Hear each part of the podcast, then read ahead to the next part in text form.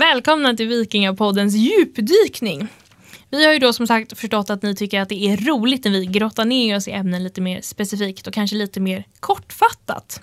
Så nu är det dags för eh, del fyra av djupdykningen. Och här kommer vi faktiskt, eh, Erik kanske hålla låda lite om något av hans favoritämnen och vid det här laget så antar jag att ni vet vad det är. Båtar? Nej, uh, runstenar? Precis. Ja! Nu kör vi.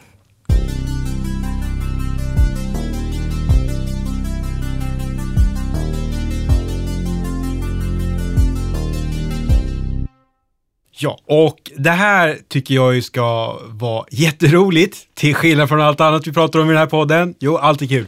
Men när det handlar om runstenar att grotta in sig, då finns det ju hur mycket som helst. Jag skulle kunna prata om runstenar i Gälling, jag skulle kunna prata om röksten, jag skulle kunna prata om de 50 norska runstenarna som är lite speciella ändå. Men nu tänker jag att vi ska titta på metropolen, världens mittpunkt, lilla Vilunda i Upplands Väsby.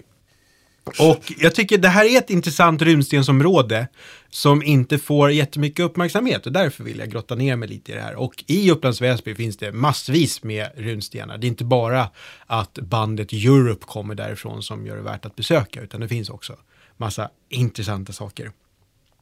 Och ganska nära tågstationen så finns det då tre stycken runstenar som har fångat mitt intresse.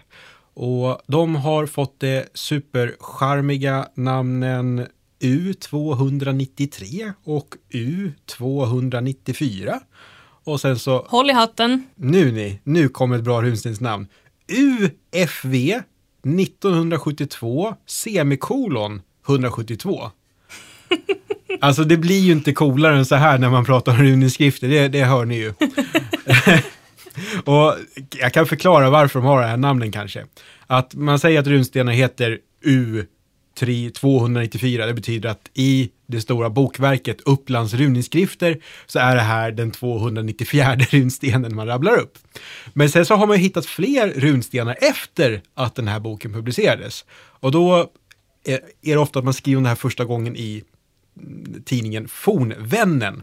Så då står U för Uppland, FV står för Fornvännen årgång 1972, sida 172. Och det är därför den här får det här oerhört charmiga namnet. Och eh, jag tänkte jag kan läsa det som står på de här runstenarna, bara så att vi har det gjort. Och på U293 står det då på runsvenska, så nu försöker jag avgränsa till den dialekt man hade i Sverige på vikingatiden. Och då står det Forkuder och Thorir lata reisa steina thessa efter fader sin kettil, Kud hjälpi and hans. Och det här betyder då Forkvider och thorir, eh, Tor, ja, thorir, läto resa dessa stenar efter sin fader Kettil, Gud hjälpe hans ande. Och sen har vi då U294. Eh, Gulöj lätt stein hakva efter Forkun, Bontasin och Kettil. Ja, tar det slut där. Det är lite konstig grammatik här, men Gudlög lät, lät hugga stenen efter Forkun, sin man, och Kettil. Vad heter det? Kettil Elver någonting. Och här då antagligen samma Forkun som tidigare. Vi kommer knyta ihop det sen. Och sen så har vi då UFV 1972, semikolon 172. Och då står det Gudlej reste efter Bontasin. Gudlög reste efter sin man. Och alla de här tre stenarna hänger ihop för att det är samma personer med på dem. Och vi kan ju dels ta att Forkun, eller Forgun, gör sin första runsten efter sin far. Och han anlitar en runmästare som heter Visäte. Han är ett av de här proffsen av runmästare. Men sen när Forkun dör, då vill hans fru göra en sten efter honom. Så vi är alltså två generationer vi kan följa den här familjen. Och då anlitar hon faktiskt samma runmästare, så Visäte. Och eh, sen så har hon också gjort en till sten. Boing. Eh, och nu är det inte Visäte som har gjort den. Så man, det är lite rörigt, men alla de här står också längs samma vägsträcka. De går längs samma promenadstråk idag. Och det betyder att man säkert hade samma vägsträcka även på vikingatiden. Så nu är det här då en till stor del asfalterad väg, man, jag tror de kom ut i så skogsområdet till slut. Men ändå, folk har gått samma sträcka i minst tusen år. Och det är ju intressant nog bara det. Men sen en sak som jag tycker är intressant det är då att Visäter har gjort två av de här runstenarna knutna till familjen. Men sen så är en av runstenarna eh, eh osignerad och det är inte Visäter som har gjort den. Man kan alltså se på stilen att det är Visäter som gör den för runristare har sin egen personliga stil. Och då undrar man, varför är det inte Visäter som gör den tredje stenen också? Och den är inte lika skickligt gjord kanske, men jag tycker mig känna igen en liten detalj, för runormen går så slingrar sig lite som en triangelform. Jag gestikulerar här i luften och det är jättetaskigt för ni hör ju bara det här. Men Emma ser oerhört intresserad ut. Ja, kanske. Och det här är någonting som är ganska typiskt för runristaren Öpir som jag har tjatat om förut. Men Öpir brukar vara lite mer välarbetad än den här runstenen. Däremot så finns det en teori om att Visäte var Öpirs läromästare. Så det skulle kunna vara, tror jag, det här är min egen teori, att Öpir gör den där runstenen i Upplands Väsby när han fortfarande är lärling med Visäte. Så det kanske är så att Gudlög tar in Visäte och ska ha minst en runsten gjord och så får hon då kanske en som är gjord av en ung Öpir. Och det tycker jag är jättekul att kunna följa honom genom hans möjliga karriär. Så det är alltså i så fall en tidig, ett av Öpis tidiga verk? Ja, oh, och, och det är ju liksom, ja men som jag sa, det här är kanske inte det mest kända runstenstrion i världen. Men vi, har, vi kan följa den här familjen i två generationer från Kettil till hans son och sen hur frun då gör en sten efter Forkun. Och det är, deras son är antagligen också med och gör en runsten här också. För i och med att, vad blir det nu? Forkuns pappa heter Kettil, men sen så är en runsten som slutar med det konstiga Gud lät, resa, lät hugga stenen efter Forkun, sin man, och Kettil älv.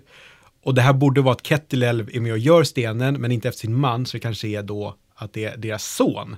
För då har han fått ett steg i sin farfars namn också. Kettil, Kettilälv. Oj, oj, oj, vad rörigt. Det är ju snårigare än Kardashians. Ja, ja, ja. Och, men jag, jag lägger nog mer tid på det här än vad jag lägger på Kardashians, det kan jag ju säga. Helt rimligt. Ja. Uh, och sen det här möjliga inblicken i hur runristaryrket ändå går från mästare till lärling. Sen är det då intressant tycker jag också att när man då hittar den här runstenen UFV 1972, semikolon 172. Då är det att man håller på och bygger eller man fixar till den här vägsträckan som har funnits i tusen år och det är väl Run-Janne som får in samtalet om att vi har hittat en runsten. Och han tar sig dit, det finns någon bra historia om hur han cyklar iväg och kollar på runstenar. För att inte just den här. Och mycket riktigt är den ju där. Och den inte känd tid bland tidigare runforskare. För de andra två runstenarna har någon ritat av redan på 1600-talet, så det är så gammal kunskap. Men den här har ingen känt till. Och man kan alltså se att den har vält framåt, så att runorna hamnar neråt. Så ganska tidigt så alltså att det ens är en runsten försvinner ur kunskapen.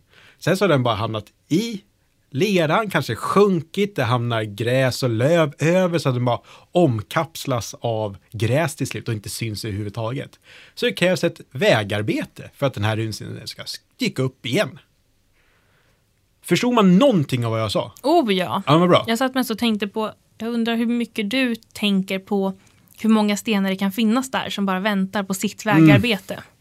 Ja, äh, men det är ju så ja, men det kom ju fram det här bra exemplet i Eskilstuna för tre år sedan. Att eh, de höll på att bygga en ny cykelväg har jag för mig. Och sen var det en cyklist som körde förbi och kollade, vad händer i diket idag då? Och tänker, den där stenen som ingen har lagt märke till än, ser ut att ha runor på. Och det är då en sån sten som var känd på 1600-talet, sen så försvann den för att den har då vält och försvunnit ner i jorden. Och sen så hittar man i samband med ett vägarbete och det dyker ju upp runstenar eller fragment av runstenar då och då. Och det kan ju verkligen variera från en liten bit där man förstår, här har någon hukt någonting, vi kan inte se någonting annat. Det kanske finns en runa kvar. Eh, eller så kan det vara till och med en hel sten som dyker upp. Det är faktiskt ganska spännande, det måste till och med jag erkänna. Yes! Men jag har faktiskt en fråga till dig Erik. Aha. I de här eh, stenarna U294 och det klämkäcka namnet UFV 1972 semikolon 172 så använder du ju ett ord för man. Ja, Och vad är det för ord? eh, Bonta. Ja, vad är det för ord? Alltså det är typ eh, man man är gift med, make. Hubby. Eh, så husbonde kan vi tänka. Ah. Eh, och, det, och vad heter det på engelska då? Husband. Mm. eh, så eh, någon typ av sån bonta får vi tänka. Okej. Eh, sen ett annat ord här, att Gud hjälper hans ande. Tycker jag låter lite illavarslande. Okej, ja, han är Tänker död. jag. Ja. Fast det är ju kanske bara jag. Mm, Jo, för, jo. För med kristendomen kommer nog konceptet själ. Och det finns ju runstenar som, där det står Gud hjälper hans själ, Gud hjälper Sal och hans. Men ande skulle kunna vara ett äldre begrepp och det finns ju i Eddan hur en av Odens bröder blåser in. Det är väl ande han blåser in de här träbitarna för att det ska bli att människorna, de första människorna, Ask och Embla, får liv. Eh, så här då ett lite ålderdomligt begrepp för det. Eh, Sen finns det nog någon runsten där att Gud hjälper både själ och ande. Så då får man med både och och så har man safeat. Dubbelgardering. Ja. Igen. Eh, nu menar jag verkligen inte att sätta dit det här, utan det här är en genuin fundering. Under vilka år var eh, Visäte aktiv? Vet man det? Mm. Eh, där lata svaret, jag, jag skulle bara säga efter år 1000. Eh, men eh, vad kan vi dra till med? Eh, runt år 1040-50 kanske. Mm. Eh, och sen så då Öpirs karriär. Öpir har en sjukt lång karriär. Och är väl aktiv där i krokarna till har antagligen varit med och skapat runstenar som till och med från efter år 1100. Så beroende på hur man räknar så kan Öper ha haft en karriär som är längre än vad medellivslängden är. Och då är just återigen hur man ser på runristaryrket, men det känns som en helt annan diskussion. Han kan ha haft en verk, han gjorde inte allting själv, korta versionen. Eh, men eh, vad mer? Eh, Visäte har väl signerat, jag tror det är så här sju runstenar och ingen av de här är ju signerad. Däremot så beroende på hur runstenarna ser ut Ja, och språk och så här, och- stilen. Ja. Det är lite grann som att, ja men, och kolla, en Picasso, för näsan sitter där, örat borde vara ungefär. Mm. Ja. Eh, och är man ute på Djurgården, kanske i i vår utställning, närmsta Visätesten finns inne på Skansen.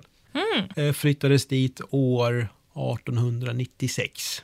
Mm, Den är ganska tjusig. Ja, Väl värd att kika på. Men eh, det där var ju väldigt spännande ändå. vad fint att du säger det. Tack ja. Emma. ja, varsågod Erik. Eh, Så nu har ni fått en liten, en liten djupdykning om eh, lite runstenar. Och känner jag Erik rätt så lär det säkerligen komma fler djupdykningar om eh, runstenar. Och är det någonting som just ni vill höra om så är det bara att ni säger till. skicka ett runbrev. Precis. Börja hugga nu. Så tar vi det om några år. Jättebra. Nej, men har ni frågor och funderingar eh, eller någonting som ni vill höra om så kan ni ju bara höra av er till oss. Antingen på vår Instagram, Vikingapodden, eller mejla oss på podcast@vikingmuseum.com. Och det är ju så att vi håller på och förbereder ett frågeavsnitt nu när vi har tänkt att svara på just era frågor. Och, så då får ni jättegärna skicka de frågorna till ja, de sagda medierna helt enkelt. Perfekt. Så tack för att du lyssnade på mig, Emma. Tack för att ni lyssnade på mig, ni som lyssnar. Och tack Tobbe för att du fixar med tekniken här idag. Och- som alltid. Och för att han lyssnar på oss. ja, Bara en sån sak. Med nöje. vår, vår klippa. Haha. Kul. Eh, ja, så förhoppningsvis så hörs vi igen i nästa avsnitt så hoppas vi att ni har det toppenbra. Sa du Tobbe bra? Toppenbra så. Toppenbra. To- Toppenbra. toppenbra så. Ja, då så. Men toppenbra är väl också en jättebra grej. Hej, hej. Hej då! Det här var inte tio minuter.